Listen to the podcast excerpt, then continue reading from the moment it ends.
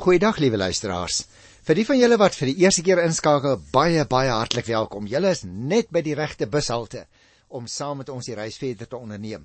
Die rede hoekom ek dit sê, ons is as dit ware so besig met 'n rondreis en ons doen verskillende boeke uit die Bybel, een na die ander. Uh soms so een of twee uit die Ou Testament omdat daar 39 boeke is en in die Nuwe Testament is daar 27. So terwille van die afwisseling roteer ons so 'n bietjie tussen Ou en Nuwe Testament. Ons ry met die bus as dit ware al in die ronde. Ons doen elke keer een boek oor 'n paar programme volledig en dan gaan ons of na die Ou of na die Nuwe Testament toe. So ons begin vandag met die boek Galasiërs, 'n Nuwe Testamentiese boek. En dis 'n baie interessante boek, 'n boek waaruit soms nogal nie so gereeld gepreek word nie, hoor, want dit gaan oor leerstellige goed omdat daar bepaalde probleme in die gemeente was. En nou skryf Paulus 'n brief en een van die interessante dinge ook rondom die boek Galasiërs is dat uh, dit gewoonlik geplaas word so iewers tussen die jaar 50 en 55 na Christus dat Paulus dit geskryf het. Die een moontlikheid is 'n vroeër datum wat sê hy dit geskryf ergens tussen 50 en 52 na Christus terwyl hy in Korinte was aan die einde van sy tweede sendingreis.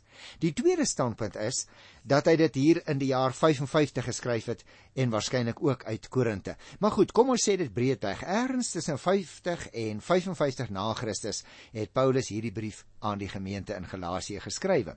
Nou kan jy natuurlik vra nou wat is die doel van die brief? 'n Mens sou dit op verskillende maniere kon opsom.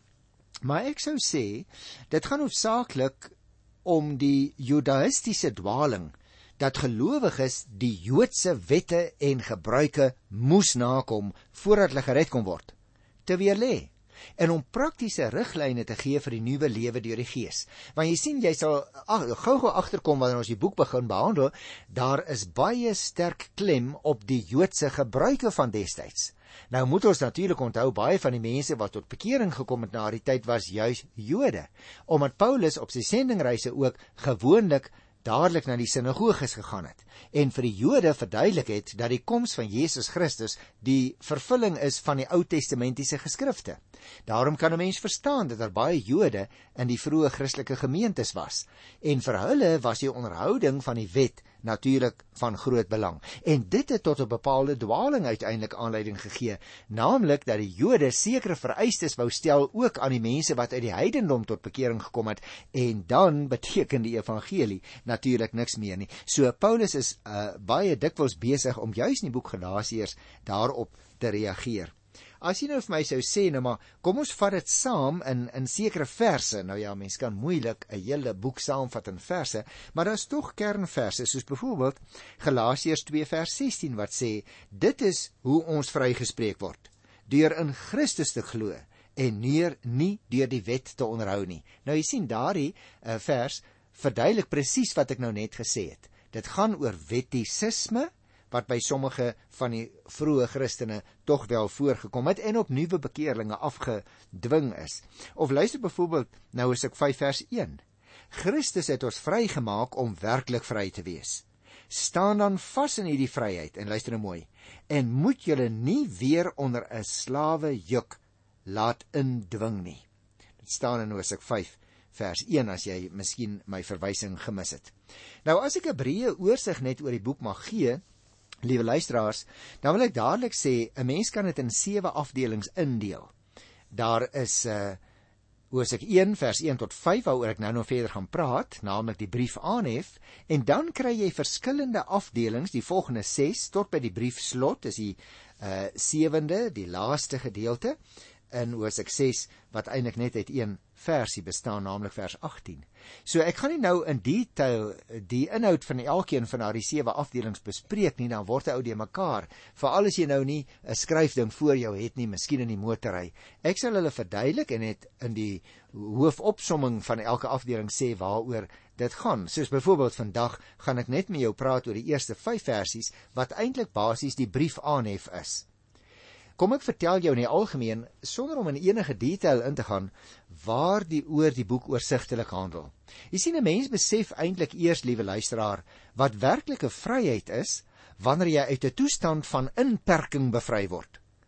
Dink hoe jy byvoorbeeld en ek ook natuurlik sou voel as 'n mens na jare van aanhouding in 'n gevangenis byvoorbeeld vrygelaat word of as jy en jou gesin verneder en veronreg is deur 'n politieke stelsel wat jou menswaardigheid ontken het en die stelsel verander sodat jy tot jou volle potensiaal kan ontwikkel dan gaan jy iets van vryheid belewe en ek dink vir mense in Suid-Afrika is dit nogal 'n belangrike les wat ons moes geleer het so in die geskiedenis nê dan smaak 'n mens eers regtig wat vryheid beteken. Of dit nou tronkdeure is wat jou nie meer inperk nie, of jy hou vas van 'n verslawende gewoonte in jou lewe wat verbreek word, of die knelling van 'n politieke stelsel of watter ander vorm van verslawing ook al, dan kom jy eers agter as jy regtig bevry word wat vryheid beteken. Nou, dit is basies waaroor Paulus met die gemeente in Galate praat. Jy sien, om vrywillig en met opset weer te kies vir die verslawing sou baie dom wees nie waar nie. In 'n sekere sin is dit wat die gelowiges aan wie Paulus geskryf het, gedoen het. Sommige van hulle was voor hulle bekering slawe van niks werd afgode. Ander, soos byvoorbeeld die Jode, was weer slawe van die wet. Hulle was met ander woorde baie godsdienstig, maar ook baie wetties terselfdertyd. So die goeie boodskap, die evangelie, het 'n totaal nuwe lewe vir hulle ingehou. Almal wat tot Christus bekeerd raak, deel natuurlik in die vryspraak wat die Here vir ons gee deur die geloof en so vry geword het van ons verslawing en kinders van God geword het. Nou, sulke mense soos ook in daardie tyd moet ons onthou, hulle was egter besig om terug te val na hulle oorspronklike toestand van slawerny. 'n Mens moet dus baie duidelik raak sien, liewe luisteraar, veral as jy die boek Galasiërs leer, lees. Die kerk was in hierdie tyd besig om op baie plekke sy identiteit as 'n nie-Joodse beweging te vestig. En die Joadiseerders wat 'n mens hier kry met antwoorde Joadiseerders, as ek in sulke mense praat, dan bedoel 'n mens daarmee mense wat nou gedwing word om Joodse gebruike te begin navolg as hulle Christene word. En dit is waarteen Paulus dit het. En daarom het juist hierdie mense wat die wet so hoog aangeslaan het, wal gegooi teen hierdie nuwe vryheid wat Paulus in die naam van die Here Jesus Christus aan hulle verkondig het. Hulle was Christene wat vroeër Jode was. En daarom verstaan ek baie goed. Hulle het daarop gestaan dat dit noodsaaklik is om bo en behalwe jou geloof in Christus Jesus ook nog die Joodse wette en gebruike na te kom om gered te word. Die Judaiseerders se propagering van allerlei wettiese godsdienstige reëls het dus ook by die gelowiges verwarring laat ontstaan oor wat die Christelike vryheid in praktyk inhou. As hulle dan nou 'n klomp nuwe wette hoor wat op hulle as dit ware in groot emmers uitgegooi word en wat hulle dan nou sou moes nakom. Dan sou hulle vir Paulus kon sê maar maar dis mos nie vryheid man nie, nie man. Dit is 'n nuwe gebondenheid wat jy nou op ons lê. En daarom Paulus skryf sy brief om ten opsigte van albei die sake leiding te gee. Hy verduidelik dat God vryspraak deur die geloof gee en nie deur die onderhouding van die wet nie. En dan die tweede aspek. Hy spel uit wat die implikasies van hierdie nuwe lewe deur die Gees is. Daarom, liewe luisteraars, hierdie boek Galasiërs het baie spesifieke betekenis vir jou en vir my persoonlike geloofslewe as Christene, maar ook vir ons kerkwees, ook vir ons onderlinge verhoudinge met mekaar. Jy sien, daar is steeds gelowiges wat die nakom van die een of ander wettiese godsdienstige reël as voorvereiste vir verlossing stel.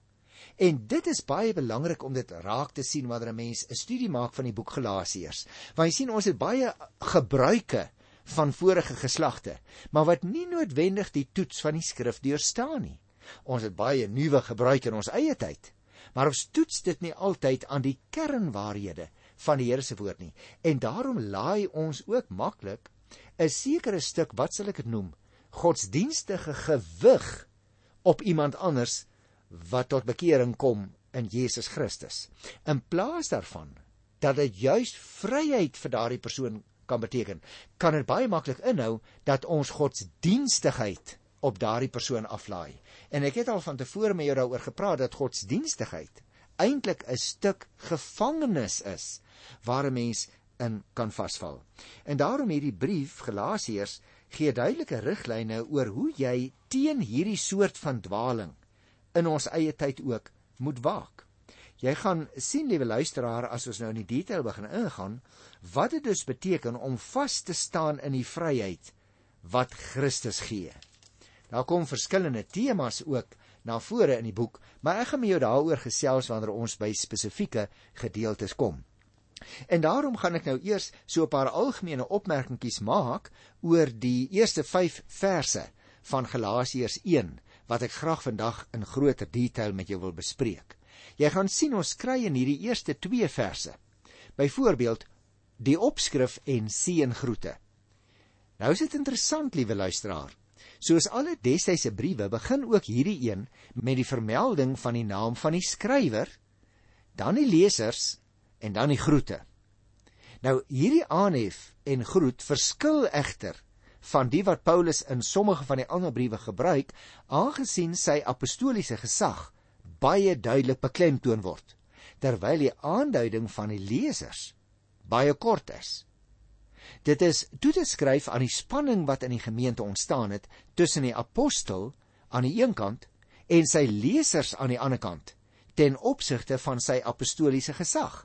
Want ek het nou reeds vir jou gesê van die dwaling ten opsigte van die Judaïseerders wat dinge op mense wou aflaai. Maar kom ek lees die twee verse, dan kan 'n mens so bietjie daaroor in detail gesels. Van Paulus, 'n apostel en van al die broers wat by my is. Kom ons praat net eers oor daardie interessante opmerkings wat ons daar kry en wat dus in styl verskil van sommige van sy ander briewe. Jy sien liewe luisteraar, Paulus en Barnabas het tydens hulle heel eerste sendingreis ten minste 3 stede in die Romeinse provinsie Galasië besoek. Tussen hakies wat ons hier kry as Galasië, ken ons in ons eie tyd natuurlik as Turkye. Nou die drie stede wat hulle besoek het in daardie gebied was Ikonium, Lystra en Derbe. Jy kan daardie verhaal gerus gaan lees in Handelinge 13 van die tweede vers af tot aan die einde van Hoofstuk 14 in die boek Handelinge. Nou na die apostelvergadering waarvan ons ook gelees het in Handelinge 15, word ten minste nog twee besoeke in Handelinge vermeld wat Paulus in daardie gebied afgelê het. Gaan kyk maar in Handelinge 16 vers 6 en ook hoofstuk 18 vers 23. Paulus verwys dan ook later in die brief na wat hy noem die eerste keer. Jy kan gaan kyk in Galasiërs 4 vers 13 wat waar jy dit sal kry. Die eerste keer sê hy wat hy die evangelie aan hulle verkondig het. Nou wil ek dadelik byvoeg luisteraar. Ekskuus dat ek nou vir julle altyd 'n bietjie die agtergrond vertel, maar dit is altyd vir my net makliker as ek die historiese prentjie ook kan verstaan waarbinne dit wat die apostel sê uh ontstaan het en waarom hy dit gesê het. Want as 'n mens die konteks of die prentjie verstaan in sy breë raam nie dan verstaan jy dikwels nie hoekom Paulus seker goed sê nie. Nou wil ek dadelik sê dit is onseker wanneer Paulus die brief geskryf het soos ek net nou by die inleiding ook vermeld het. Die een moontlikheid is vroeg so tussen 50 en 52 na Christus en die ander is dan so ongeveer teen die jaar 55 na Christus. Dit wil sê As ek net 'n breë verband kan trek, dan sou dit wees kort voor die brief aan die Romeine geskryf is, want dit is ook so rondom die jaar 55 geskrywe en ook uit die stad Korinte. Gaan kyk maar in Handelinge 20 by die 3de vers. Paulus is dus reeds vroeg in sy bediening daarvan beskuldig dat hy die evangelie aangepas het en dat hy dit vir die gelowiges uit die heidene meer aanvaarbaar wou maak. Jy onthou ons het hierdie soort van argument wat uh, sekere mense gebruik het teen Paulus en dan vraagtekens gestel het agter die egtheid van sy apostelskap ook in die ander briewe teëgekom en toe ek ook al vir jou daarop gewys. Nou tydens die apostelvergadering in Handelinge 15 sal jy onthou toe ek dit behandel het, is daar uitsluitsel gegee dat Paulus se evangelie die ware evangelie is. Soos wat hy dit ook noem hier in Galasiërs uh by die tweede hoofstuk by vers 6, maar ek wil nie nou daaroor praat nie want ons kom nog daarby. Die uh Judaiseerders het egter voortgegaan in die tussentyd om Paulus onder verdenking te bring by nuwe gelowiges en oral het hulle verkondig dat gelowiges nie net in Jesus Christus moet glo om gered te word nie, maar ook die verpligtinge van die wet en die Joodse tradisies moet nakom.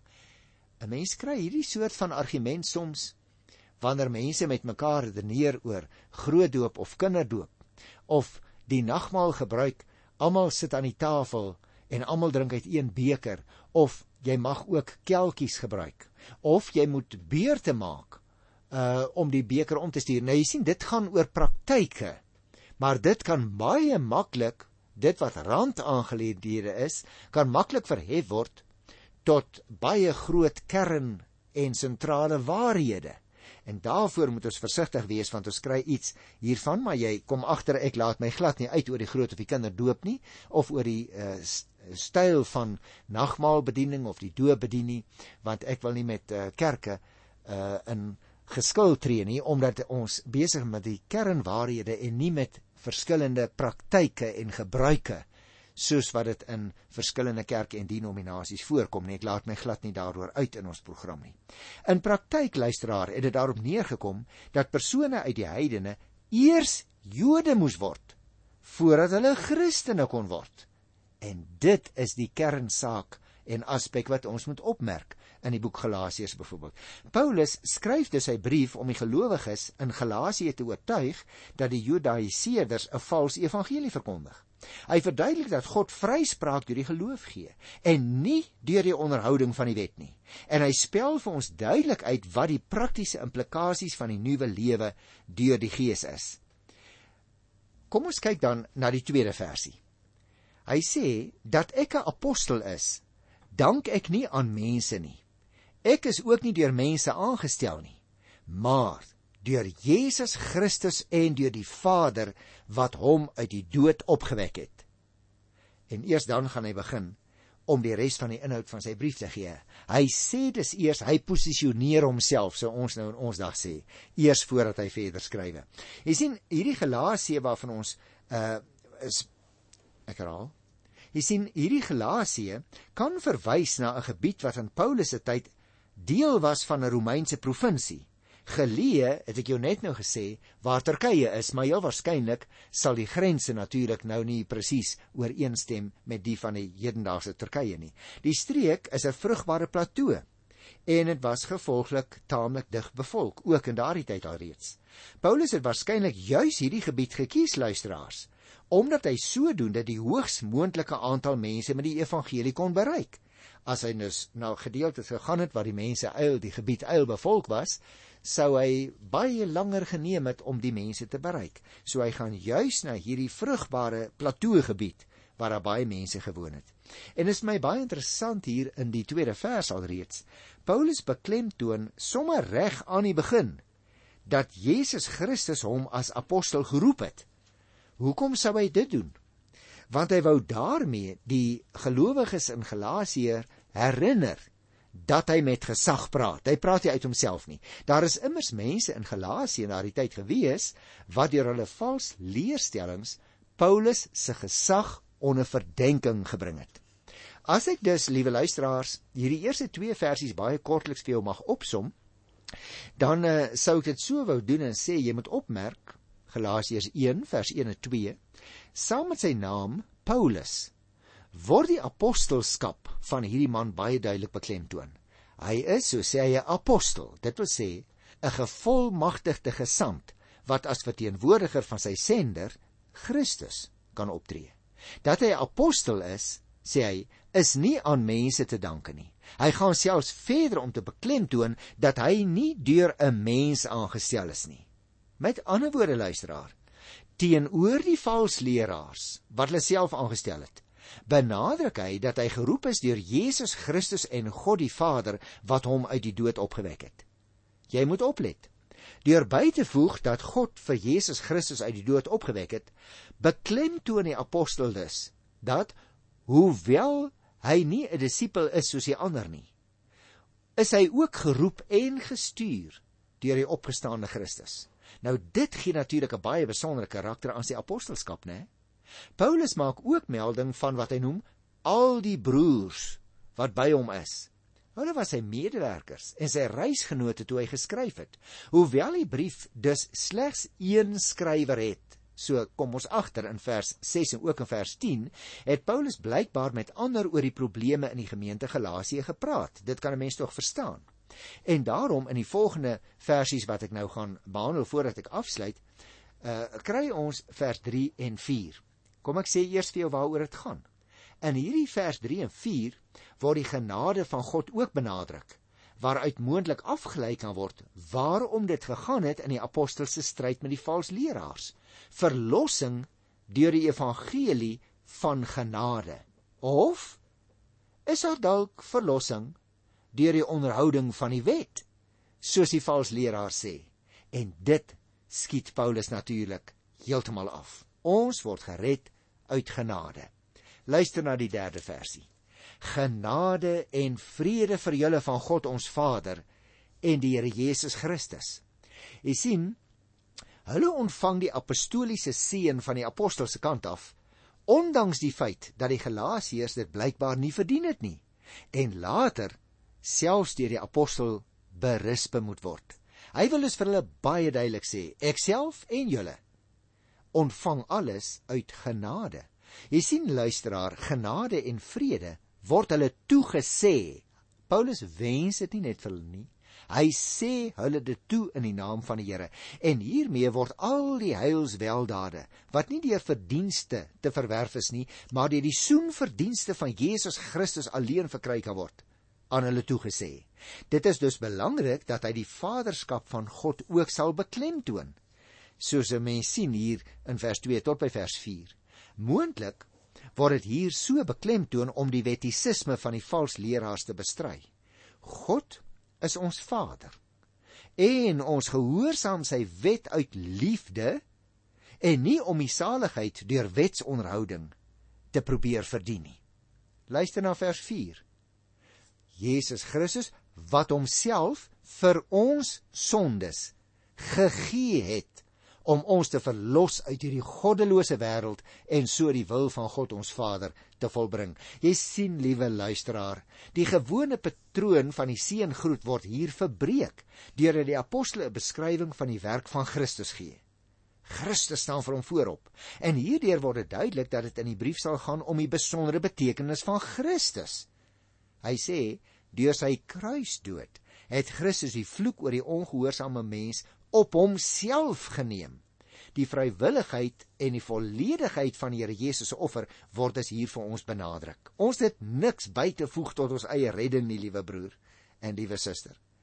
Christus het dit gedoen, sê Paulus, om ons te verlos uit hierdie goddelose wêreld. Nou hierdie uitdrukking dui natuurlik op 'n wêreld in daardie tyd wat gekenmerk is deur die sonde. Die duiwel is sy god en dit is vandag nog so volgens 2 Korintiërs 4 vers 4. Die duiwel is die god van hierdie wêreld. Dit gebeur alles dis belangrik. Dit gebeur alles volgens die wil van God staan daar. Wat deur Christus bekend gemaak is en deur sy versoenende sterwe vervul is. God se wil is dus volbring toe Christus gesterf het. En naas die Here Jesus se versoenende sterwe hoef geen mens ooit weer enige iets te doen om die ewige lewe te verkry nie behalwe dat ons moet glo dat Christus dit alles vir ons klaar gedoen het. Daarom in my laaste minuut wil ek vers 5 lees. Luister. Aan God kom die heerlikheid toe tot in alle ewigheid. Amen. Die apostel sê duidelik: Aan God kom al die heerlikheid toe tot in alle ewigheid. Dit beteken, liewe luisteraar, dat God die koninklike majesteit en die mag en die heerskappy en al die eer ontvang.